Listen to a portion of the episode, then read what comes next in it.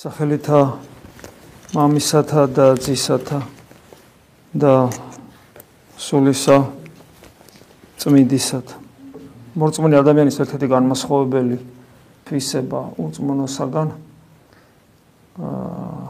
არის ის რომ მორწმუნე ყოველთვის ღვთისგან მოელის რაღაცას. უწმუნო ადამიანის შემთხვევისგან რაღაცა ბედისგან, ბედის წერისგან, საკუთარი მოხერხებულობისაგან მაგრამ აი მორწმუნ და ნუ იმედისგან რომელიც არაფრით გამყარებული არ არის მის ცნობიერებაში. ხოლო მორწმუნე ადამიანი ყოველთვის ღვთისგან მოველის. აა შეუძლებელია წარმოვიდგინოთ ადამიანი რომელიც რაღაცას არ ელოდება. აა და ეს მოლოდინი ყოველთვის მომავალშია. მის თვალწინარი ერთი ხრივ მაგრამ მეორე ხრივ ხელს ვერ კიდებს გაურბის ის სასურველი და სანუკვარი რაც მას აქვს. რელიგიური ცხოვრების სულიერი ცხოვრების დაწყების უფროსორი იქნება რელიგიური ცხოვრების დაწყების ერთ-ერთი მიზეზი ხშირად არის განსასწრებელი მოგეხსენებათ როცა ადამიანი აა გამოვალ მდგომარეობაში ვარდება ჩიხურ სიტუაციაში და როდესაც ადამიანური რესურს ვერ ხედავს ამ პრობლემის მოგვარებისა და აქვს ღვთისაგან მოცემული რაღაც გარკვეული ნიჭი რელიგიურობისა ასეთი ადამიანი როგორც წესი მე რეიწყებს სულიერ ცხოვრებას. თუმცა ეს ხო ხვდებით რომ ჯერ კიდევ ქრისტიანობა სულაც არ ნიშნავს ასე იქცევა ყველა რელიგიის მიმდევარი ასე იქცევა ნებისმიერი წარმართიც და ქრისტიანულ დენომინაციაში კიდევ უამრავი უამრავი დენომინაცია არსებობს და ასევე იქცევა ზუსტად იმ კულტურის წარმომადგენელი, სადაც მართლმადიდებელი ეკლესია და მართლმადიდებლური კულტურაა დომინანტი. და მოდიან ადამიანები ასე დროს ეკლესიაში იწყებიან სულიერ ცხოვრებას და მე გეტყვით რომ ხანდახან მთელი ცხოვრება თუ არა მრავალი წელი გადის აა ზოგიერთი ადამიანის ცხოვრებაში და მათთვის ღმერთი კლავ და კლავ საშუალებად რჩება ამ ქვეყნიური პრობლემების მოსაგვარებლად, ამ ქვეყნიური ბედნიერების მისაღწევად. შორზიება არ გჭირდება ეს ჩვენ სამრელოშიც ხშირ შემთხვევაში ძალიან ხშირ შემთხვევაში არა მაგრამ ხშირად ხდება ასე რომ ეს ჩემთვის პირადად შემაწუხებელია. არადა მოლოდინი მოლოდინი უნდა კონდეს მოლოდინი და რა მოლოდინი უნდა კონდეს რა თქმა უნდა ყველაფერი მიწიერიც კი ყველაფერი ღვთის ხელში არაფერი ხდება ჩვენს გარშემო ისეთი ღმერთისგან რომ არ იყოს ერთი ღერითმა არ واردება ჩვენი თავიდან ღვთის განგებულების გარეშე ყველაფერი სამყაროში მისი განგებულებით ხდება და რასაც კარგს ვეძახი ისიც და რასაც მე ცუდს უწოდებ ის ცუდიც თუმცაღა თუმცაღა ხშირ შემთხვევაში ჩემი საბოლოო მიზნისათვის ისთვისაც მე საერთოდ მოვევლინე ამ მოვევლინე ამ ქვეყანაზე ის ცუდი ხშირად უფრო მნიშვნელოვანია ხოლმე ტკივილი უფრო მნიშვნელოვანია ხოლმე ვიდრე ის სიხარული რომელიც ასევე ღვთის წყალობით არის და ჩვენ მადლიერებას უნდა გვასწავლიდეს. მაგრამ არის ერთი რამ რომელიც იმდენად მწველად უნდა გსურდეს რომ მოსონებას არ გვაძლევდეს. ამაზე ჩვენ თითქმის ყოველთვის ყოველ შეხვედრაზე ვსაუბრობთ ეს არის ის რისთვისაც თითოეული ადამიანი იბადება ამ ქვეყანაზე რომლის რეალიზება იწყება მისი გაქრისტიანებიდანვე. ეს არის ღვთისშილობის რეალიზება ჩვენში რომელიც პოტენციაში როგორც ადამიანში ჩვენში ისედაც არსებობს. აი ეს ღვთისშილობა, რომელიც არის განსაკუთრებული მდგომარეობა, რომელსაც სახელს ვერ დავარქმევ, ბოლომდე ჩვენ ეს არ ვიცით, რას ნიშნავს, მაგრამ მაგრამ თუ ცოტათი ერთხელ მაინც ადამიანს გამოუცდია, რას ნიშნავს ღმერთი რო შეეხო ჩვენს გულს, რამა ჩვენ ნამდვილი ქრისტიანები გაგხვა და მაშინ ჩვენ დაახლოებით რაღაც წარმოდგენა, ბუნდოვანი წარმოდგენა შეიძლება გქონდეს, რომ ღვთისმშობლობა არის რაღაც განსაკუთრებული მდგომარეობა, რომელსაც ვერაფერი ვერ ჩაანაცვლებს ამ სოფელში და თუ ადამიანს ოდნავ მაინც რაღაცა განუცდია მსგავსი, მე მის ხორებაში რაც არ უნდა ხდებოდეს. აი რაც აი არ ვიცი რა შეიძლება ადამიანმა წარმოიდგინოს, ახლა ჩვენ შეიძლება ფანტაზიებიც არ გვეყოს ადამიანები, რასაც რეალურად ფლობენ, თქვათ, მაგრამ აი ჩვენი ფანტაზიას მაქსიმალური გასაქანი რომ მივცეთ, რა შეიძლება ამ ქვეყანაზე, რა შეიძლება ამ ქვეყანაზე მიაღწიო მაქსიმუმს. ეს იქნება სიმდიდრე, იქნება წარმატება, იქნება პოპულარობა, სახელი, რა ვიცი, დიდხანს სიცოცხლე, ჯანმრთელობა, ну აი რა ვიცი, რა შეიძლება წარმოვიდგინოთ, ხო?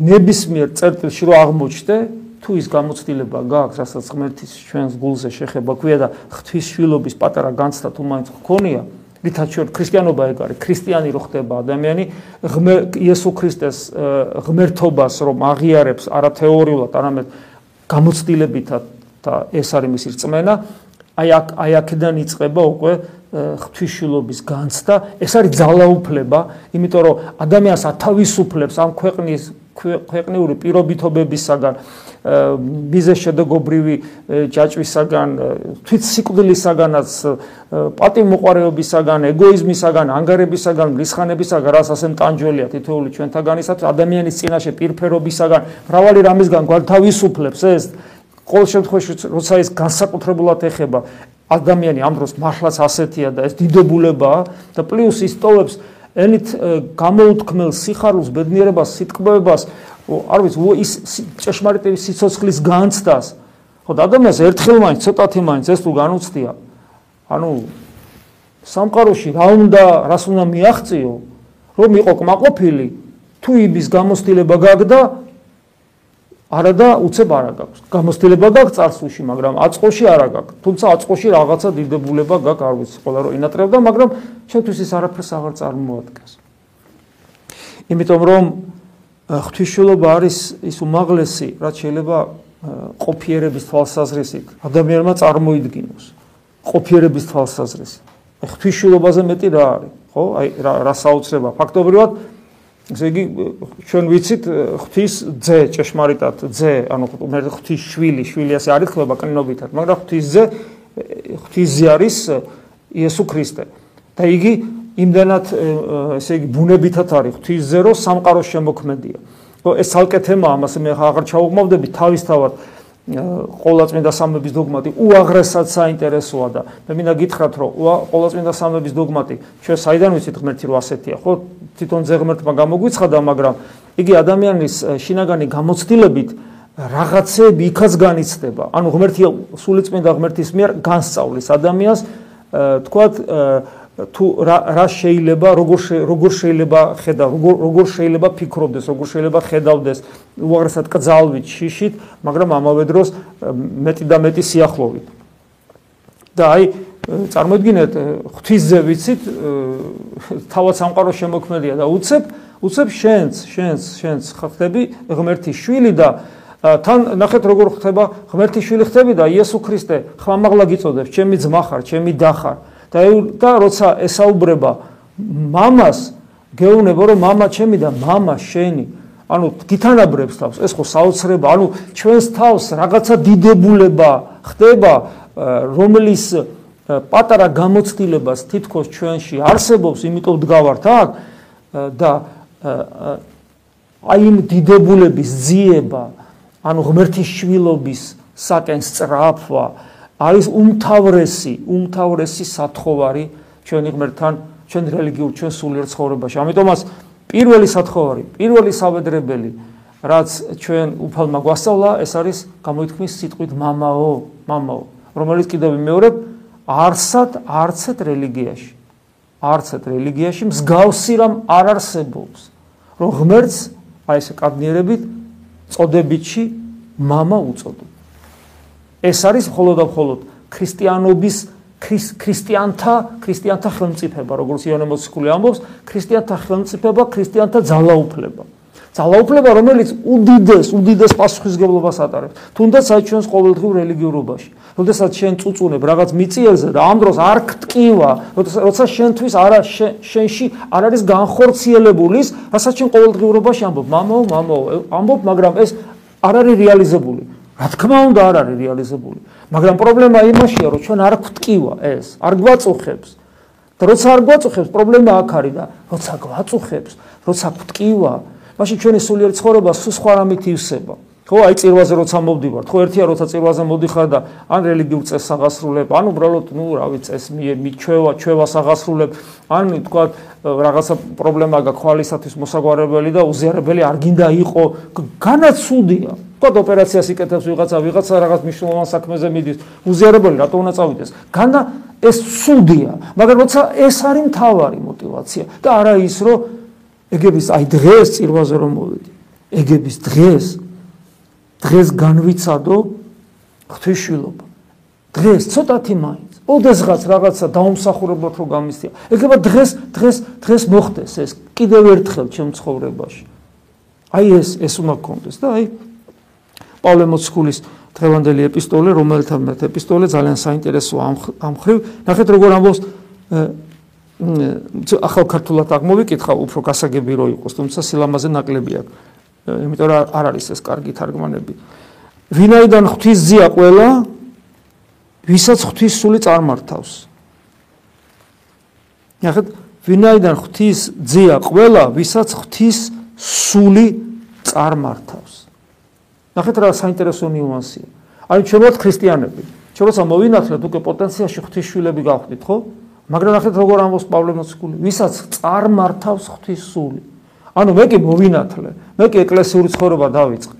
მაგრამ ვაძლევ მე სულიწმინდა ღმერთ წარმართოს იხო ჩემზე არასოდეს არ იზალადებს. ანუ მე თანამშრომლობ სულიწმინდა ღმერთთან, თანამშრომლობ თუ არ თანამშრომლობ.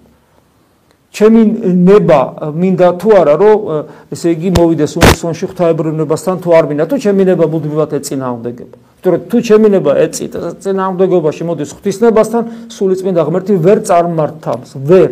განა იმიტომ არ შეუძლია. პრინციპში არ შეუძლია, იმიტომ რომ მე თუ დამაძალებს მაშინ მე ადამიანობას ვკარგავ და ცხოველად ვიქცევი. ღმერთს არ უნდა ჩემი გაცხოველება, ღმერთს უნდა ჩემი შვილობა. შესაბამისად, რო ხედავს, რომ ჩემი ნება ხისტად ეწინააღმდეგება თავს მანებებს და მიდის. ამიტომ წარმართავს ნიშნავს, რომ ჩემთან თანამშრომლობს, მე თანამშრომლობ მასთან. აი ეს არის ძალიან მნიშვნელოვანი და ამიტომ ღვთისშვილი მაშინ ვარ, როდესაც ჩემი ნება და ღვთისნება თანხვედრაშია. ანუ მამაოჩენოს იყავნება შენ რეალიზებულია და ჩვენ ხო ვიცით ეს როგორი რთულია.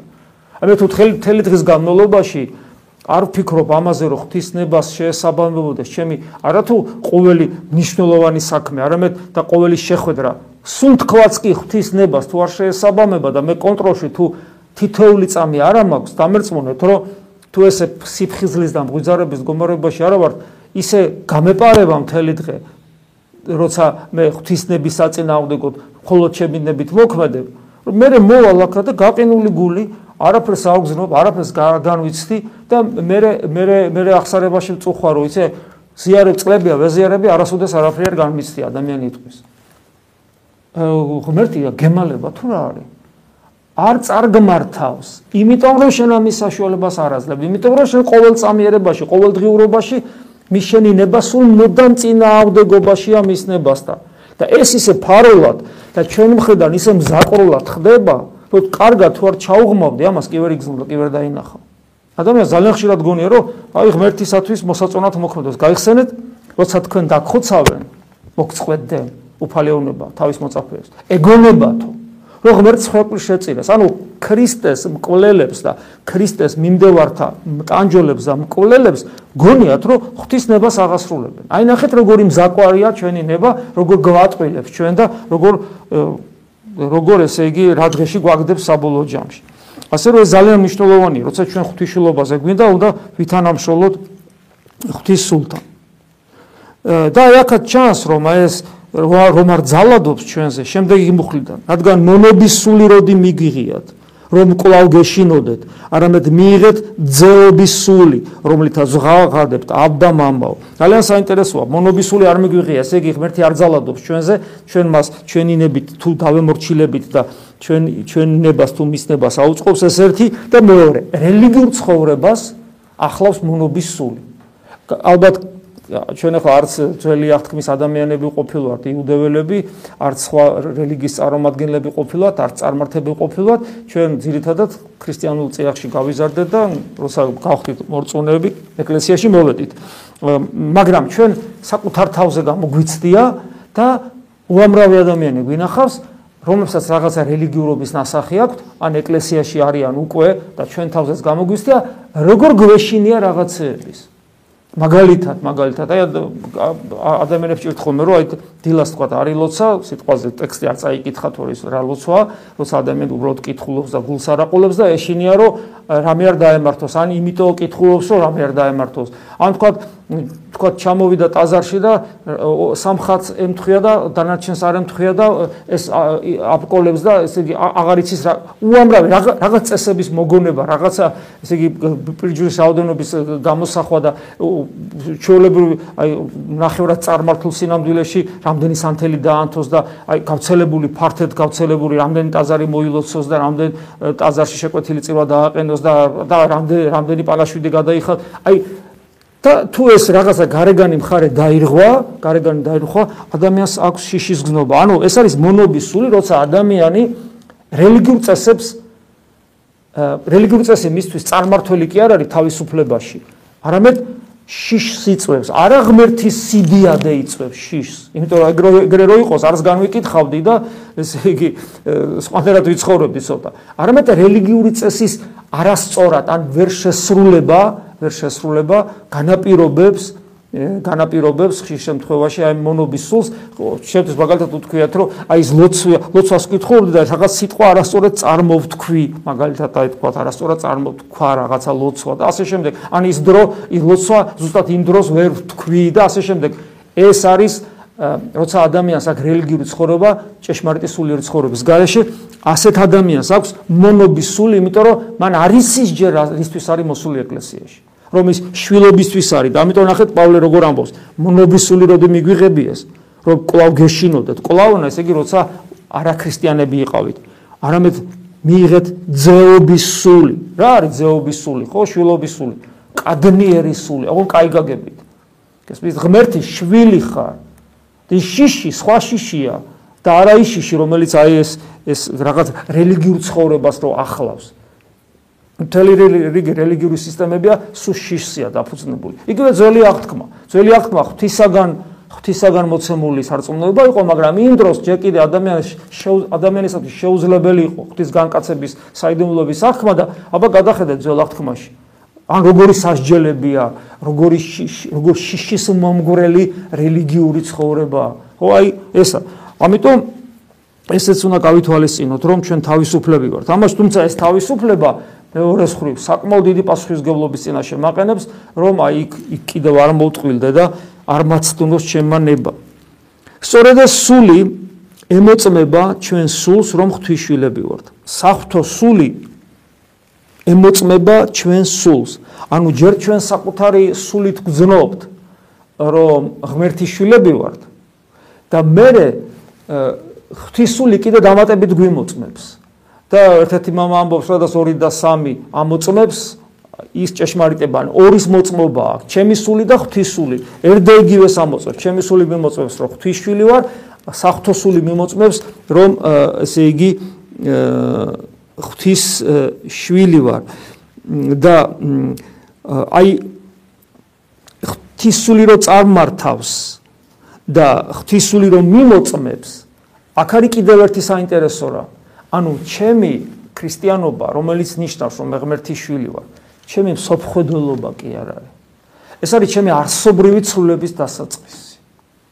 ანუ ღვთისული წარმართავს და ღვთისული მიმოწმებს ჩემში არსობრივი ცვლილება ხდება, აი ონტოლოგიურ ცვლილებაში უწოდებენ. არსობრივი ცვლილება ხდება. ეს არის ეს არის არა რელიგიური ცნობიერება, არამედ ეს არის თლიანად ჩემი შინაგანი მდგომარეობა ხდება. ანუ მე სხვა სხვა არსებად ახალდაბადებულად, ახალ ქმნილებად ვარ გადაქცეული. შეიძლება ჩანასახის მდგომარეობაში, მაგრამ ეს არის, ანუ სხვა ადამიანები, სხვა ადამიანია ღვთისშვილი, სხვა, ანუ ქრისტიანი. ხოლო თუ შვილები ვართ, მაშინ მე მკვიდრენიც ვართ. ესეც საინტერესოა. შვილი შვილი ვამბობ და როგორი შვილი? როგორი შვილი? აა ეგრე შეიძლება თქვა ვიღაცამ რომ ნებისმიერი ადამიანის შვილია და ნებისმიერი ქმნილება, ცხოველი შვილია, იმ კაგებით რომ ღმერთის ქმნილება. ნახეთ როგორ ამბობს? გვიმოწმებს გვისწო ამ ამ სხვანაირად განამტკის უпроსორად სხვანაირად ხსნის პავლე მოციქული თუ შვილები ვართ გვეუბნება ჩვენ ვართ მემკვიდრეებიც ან უბრალოდ ქმნილება კი არა ხართ, უბრალოდ უბრალოდ სახელად შვილი კი არა ხარ, ან ეს ღვთისშვილობა რაღაც მეტაფორა კი არ არის, მემკვიდრე ხარ. ნახეთ მე ვისი მემკვიდრე ხარ? სეციური მამის მემკვიდრე ხარ. ანუ ღმერთის მემკვიდრე ხარ. რას ნიშნავს მემკვიდრე? ჩვენს არ ვიცით რას ნიშნავს. აი მაგალითად, როცა ვიღაცა თქვა ვიღაცა მილიარდელმა ან ვიღაცა მეფე მიშვილა, ვიღაცა ადამიანი, უბრალო ადამიანი. ხო, იშვი, ერთია რომ იშვილა. ო, ჩემი შვილი ხარ და პრივილეგიები მისცა რაღაცა და ქუჩიდან სახში მოიყვანა. მეორეა, გვარი მისცა, გვარი მისცა. და მემკვიდრე, მემკვიდრედ გახადა. ეს უკვე რას ნიშნავს? ეს ნიშნავს, რომ ესე იგი მისი ქონების რაღაც ნაწილს უწილადებს. გესმით? აი ის უკვე იმ ცხოვრებით იწყებს ცხოვრებას, რასაც ეს მამობილი. ანუ ღვთაებრივი ცხოვრების დასაწყისში ნიშნავს, როცა საუბარია რომ მემკვიდრე ვარ და კიდე მე კიდე ვიქით აგზელოს პავლე მოციქული. ჩვენ ხო ამბობს რომ თუ შვილები ვართ, მემკვიდრენიც ვართ, ღვთის მემკვიდრენი დაამოწმა კიდევ ერთხელ ქრისტეს თანამემკვიდრენი. ეს თლაც საერთოდ სხვა სიდიადია. უბრალოდ მემკვიდრე კი არა ხარო, აი იმ ვიღაცა მიშვილა და რაღაც ნაწილი ქონება, ესე იგი გადაუფორმა და მისია. არამედ ნამდვილი შვილი რო ყავს, რასაც რაც ეკუთნის იმას, ხო? ზუსტად იგივე ეკუთნის ამას. ანუ გაყო შუაზე და თავის შვილს რომ მისცა და ამ ნაშვილებსაც მისცა. ანუ ის რაც ქრისტეს მიეცა განკაცებულ ღმერთს, თი იმას მაძლევს. რა თქმა უნდა შეუძლებელია ადამიანი გაიზარდოს თქვათ განკაცებულ ღმერთამდე, იმიტომ რომ ჩვენ მადლით ხვდებით ღმერთის შვილები და იესო ქრისტეს ადამიანური ბუნება პიროვნულ შეერთების გამო, ღმერთთან პიროვნული შეერთების გამო თელი სისავსით იტევს სახთო მადლს, არა ზომით, არამედ თელი სისავსით. და ჩვენთვის მიუწვდენელი მუდამ მარადმს ზრდის შესაძლებლობაა, მაგრამ სიტყვით ეს დეკლარირებულია. ქრისტეს თანამემკვიდრეები ვართ. ამიტომ ამბობს რომ მარჯვენით მამისა ხო დაждდა და მნება სადაც მე ვარ თქვენც იქ იყოთ. აი ეს დიდებულება არის მოცემული და მე აგძელებს პავლე მოციქული რომ რადგან ესია მე ნახეთ პირობა როგორია თუ კი მასთან ერთად ვევნებით რათა მასთან ერთად ვიდიდოთ. ქრისტეს თანამემკვიდრეობა ნიშნავს რომ მისი ძმა და დები ვართ და ეს ნიშნავს იმას რომ მის მას ვერ დგულებთ. და მის გზას გავდივართ. მე თუ მდევნეს თქვენს გდევნიან, ანუ მასთან ერთად ვიდიდოთ, მაგრამ ამის წინ წერია თუ კი მასთან ერთად ვევნებით. ეს არის. და ნუ რა თქმა უნდა, როცა პავლე მოციქული ამას ამბობს, რომ გარკვეული გოლგოთა ვიწრო და ეკლიანი გზა გვაქვს გასავლელი და გოლგოთას ასავლელი გვაქვს, ფაქტურად ამას ნიშნავს, ადამიანი რაღაცა შეწუხდება, ხო, იმიტომ რომ მე აქ ეკლესიაში მიტოვოდი, რომ ძლიერი ღმერთი დამეხმაროს და პრობლემები მომიგვაროს და შერას მეუნები, ხო, ქრისტეს გზა უნდა გავიარო, გოლგოთა ყველამ თავისი, ყველამ თავისი პატარა, ხო, ქრისტეს ჯვარი იყო რა უსასრულო სიმძიმის და ჩვენი რაღაც ესეთი, ხო? მაგრამ მაინც მე თითქოს არ მინდა, მაგრამ პავლე მოციქული ნახეთ მე რას ამბობს ფიქრობ რომ აწინდელი ვნებანი, ანუ ტანჯვანი ტკივილები, არაფერია. იმ დიდებასთან შედარებით, რომელიც გამოვლინდება ჩვენს მიმართ. არაფერია გვანუგეშებს. ჩვენი ცხოვრება არის აი წამის ყოფა. ისე ისე გაიფრენს ჩვენი მიწიერი ცხოვრება და ისე ჩაიფერფლება, თვალის დახამხამებასაც ვერ მოვასწრებთ. ამიტომ რა რა განსაცდელიც არ უნდა გქონდეს ამ სოფელში, არაფერს ნიშნავს. ჩვენი რწმენა ამას ნიშნავს. ამიტომ არის ქრისტიანი უძლეველი, იმიტომ რომ მის რწმენის შემადგენელი ნაწილია ამ ქვეყნიური განსასწრებელი, იმიტომ რომ ამ ქვეყნიური განსასწრებელი მე თუ არ ვიწუწუნებ და თუ გავყვები ქრისტეს, ქრისტესთან მიმაახლოებს, უფრო მეტად გაიხსნება ჩემი გული და ის, რასაც მე მოველი სულიერ ცხოვრებაში, ჩემს ლოცვებში და როცა წირვაზე მოვდივარ და ვეზიარები, რასაც მოველი, სწორედ იმის რეალიზების შესაძლებლობა მეძლევა, თუ მე წუწუნის გარეშე მივყვები ქრისტეს. და საოცარი რაღაცას ამბობს მე. ვინაიდან ქმნილებაც სასოებით მოელის ღვთისშვილ და გამოცხადებას. ანუ ქმნილებაზე საუბრობს და ამაზე მე ბევრ საუბრობს ახლა სრულად არ წავიკითხავ. ქმნილება ეს სამყარო. ცხოველთა სამყარო galaktikები ქვა ეს ყველაფერი აი ხო დაზიანდა ადამიანის დაცემით ეს ყველაფერი დაზიანდა და პოეტურად ამბობს რომ კნესისო იქ სხვადასხვა ადგილ მოელის ბოლოდინი ხო იმედი აქვს. პოეტურად არის რა თქმა უნდა ქვასლის იმედი აქვს და ცხოველს მაგრამ აქ არის მეორე რამ საინტერესო როგორც მამბები ამბობენ, აი სიმონ ახალი ღვთისმოწყალე ამბობს, თუ არ ვცდები, რომ ქმნილებაც მოელის ღვთისშვილთა გამოცხადებას. რა გამოცხადებაზეა საუბარი? ადამიანთა მკვდრეთით აღდგომაზეა საუბარი. ანუ, როდესაც უფალი დაბრუნდება, მთელი სამყაროს გარდასახვა ხდება მაშინ, როგორც პეტრე მოციქული ამბობს და თითოეული ჩვენგანი ახალ განახლებულ, უფრო სწორედ კვეთით ამდგარ სხეულს რომ მიიღებს, მაშინ ჩვენი გადარჩენილთა დიდება სრული სისავსით გამოცხადება, მართალი მზესავით გაფწინდეს, როგორც წმინდა წერილი გვასწავლის. და ეს იქნება საცნაური მთელი სამყაროსათვის. ეხლა თქვა წმინდანი ცხონებულია, მაგრამ ვერ ხედავთ სამყარო ვერ აღიქვავს, იმიტომ რომ მატერიალურ სხეულის გარეშეა და ესე იგი ისეთ მდგომარეობაშია, რომ ეს ამ სამყაროს მისი აღქმის უნარი არ აქვს, მაგრამ როდესაც ეს სამყაროს განახლდება და გადარჩენილებიც რომ შეიმოსავენ ამ დიდებულ სხეულს, მაშინ ყოველასთვის სამყაროსათვის ესე პოეტურად ამბობს პავლე მოციქული, საცნაური გახდება წმინდათა დიდებული მდგომარეობა, რომელიც იქნება მზესავით ნათელი. რატომ მზესავით? რა რა ანათებს ამ დროს წმინდანში? წმინდანში ამ დროს ანათებს საფრთხო ენერგია. რომელიც საერთო აქვს მას მამასთან, ძესთან და სულიწმინდასთან. აი როგორც უფალი ამბობს თავის ერთ-ერთ საუბარში იონე მოციქულში, რომ ესე იგი მე სიцоცხლე მაქვს მამაში და თქვენ ჩემში, ანუ ძე ხო მუდმივად იშვება მამისაგან. და ეს ნიშნავს რომ სიცოცხლის წყარო мама და ძეთ შესაბამისად სიცოცხლის წყარო, იმიტომ რომ мама ძის garaში არასოდეს არ ყოფილა და უცებ გვეუბნება, ხოლო თქვენ ჩემგან გაქვთ სიცოცხლე. ხედავთ რა სიცოცხლეს ეზიარება ადამიანი და ეს საფრთხო ენერგია როგორც ნათელი ისე ორეს ხელთუქმნელი ნათელი, არა ფიზიკური ნათელი. აი ამაზეა აქ საუბარი. და თელი ქნილება გმინავს პოეტურად ამბობს, ელოდება ამას და ასევე გმინავთ ჩვენც ჩვენს შინაგანად ღვთის ძეობის და ჩვენი სხეულის ხსნის მოლოდინში. აი რას გითხარით თავიდან, რომ ადამიანს როგორ უნდა ტყიოდეს, ტყიოდეს ის რომ არ არის ყველაზე მთავარი რეალიზებული, ღვთისშილობა არ არის რეალიზებული. მაგრამ აქ მეტიც არის ნათქვამი, ღვთისშილობა რომ არ არ არის რეალიზებული და ჩვენი სხეული რომ ასე მდგომარეობაში იმყოფება. იმიტომ რომ ის მიდის სიკვდილს ვატარებ, ჩვენ რომ ვიბადებით, ვიბადებით და ჩვენ გარანტირებულად ვიცით რომ ჩვენ სხეულს ვერ გადავარჩენთ. ექიმებთან დავდივართ, კურნალობთ, ვცდილობ ნორმალური საკვები მივიღოთ და შემდეგ გარანტირებულად ვერ გადავარჩენთ ჩვენ სხეულს, ჩვენი სხეული აუცილებლად მოკვდება. და აი ამ სიკვდილის მუდმივი მოლოდინის მდგომარეობა ქალაცნობიერად ჩვენ როგორც ჭია ისე ღრნის და გვაწუხებს ეს არ არ ქსიამოვნებს ჩვენი ახლობლებისა კიდე უფრო მეტად არ ქსიამოვნებს როცა ჩვენ ახლობლებსაც ეს მდგომარეობა ეწევა ჩვენს ყველაზე ახლობლებს ოჯახის წევრებს შვილებს შვილიშვილებს ეს კიდე უფრო მეტად არ ქსიამოვნებს მაგრამ ეს არის ფაქტი მაგრამ და აი ამის მოლოდინი ანუ თლიანად ღმერთთან რო ვიქნებით არა ნაწილობრივ არამედ თლიანად ღმერთთან რო ვიქნებით და აი ამ მოლოდინში ვართ და მე წერია ხსნილნი ვართ, ანუ გადარჩენილნი ვართ.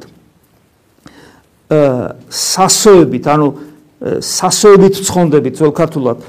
ხსნილნი ვართ იმედით ხილული სასოება კი არ არის სასოება, ვინაიდან რა სასოება უნდა გქონდეს იმის მიმართ, რასაც ხედავ. ანუ ჩვენ და მე ხოლო იმის სასოარნი რასაც ვერ ხედავთ მოთმინებით მოველთ ანუ აქ კლავეს რელიგიური სულიერი უფრო სწორედ სათნოებანი მოთმინება მოთმინება და იმედი მოთმინება და სასოება რომელიც ცოცხალი რწმენის ერთ-ერთი აღნიშნელი. და ესე ყოველ დილას ყოველ უფლის სიტყვის აღმოთქვას ყოველ გონიერი ლოცვის მცდელობა, თორსა გულში განკაცებული ღმერთის სახელს მოუხმობ, ყოველ წირვაზე მოსვლას, წინ უძღვის იმედი, სასოება და მოთმინება მრავალი წლის განმავლობაში ასაც ღმერთი გვაძლევს, რომ მიუხედავად იმისა, რომ ყველაფერი გვიჭირს და სულიერი ცხოვრებას გვიჭირს და ევქარისტიული ცხოვრებას გვიჭირს, მოთმინებით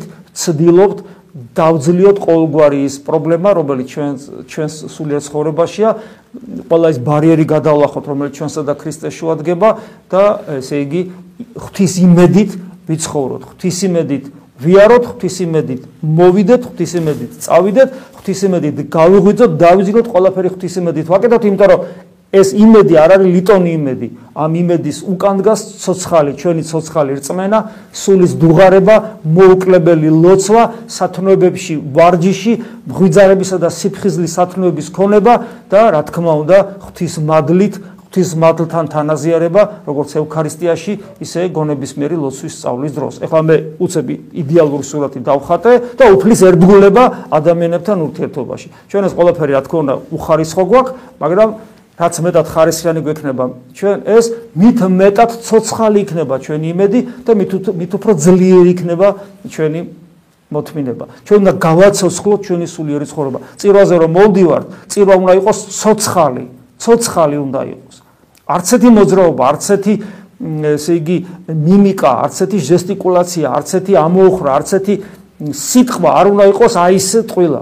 წირვაზე ყველაფერი უნდა იყოს ფოკუსირებული ღმერთზე. ყოვლადწმინდა სამების საუფლოში შემოვედით, ყველაფერი ფოკუსირებული უნდა იყოს მამაძე და სულიწმინდაზე. რა თქმა უნდა, პირველი მაგალითი უნდა იყოს მღვდელი, ეკლესიის მსახურნი და თითოეული ადამიანი, რომელიც აქ დგას. ჩვენ თუ ამას არ გავაკეთებთ, წირვა გაივლის, თავისი მადლიანად მოვა და წავა. აი როგორც ეს ხე ვერაფერს ვერ იგზნობს, ისე ვერ ვიგზნობთ ჩვენ ვერაფერს. თუ არ ვიქნებით კონცენტრირებული, თუ ამ ხესავით ვიქნებით, რა თქმა უნდა ვერაფერს ვერ ვიგზნობთ. ცხოველი რო შემოიყვანო, ვერაფერს ვერ იგზნობს. და თუ ჩვენ ცხოველივით ვიქნებით, ვერაფერს ვერ ვიგზნობთ. კლიენად კონცენტრირებული უნდა ვიყოთ.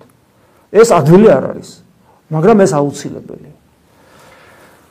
შეგვეციოს უფალი და მოგცეს ძალა, მოთმინება, იმედი, ცოცხალი რწმენა, რომ ეს ყველაფერი ჩვენში რეალიზდეს და განხორციელდეს. ამინ. მადლი უფლისა ჩვენისა იესო ქრისტეს და სიყვარული ღვთისა და მამისა და ზიარება სულისა წმინდისა იყოს თქვენ ყოველთა თანა. ამინ.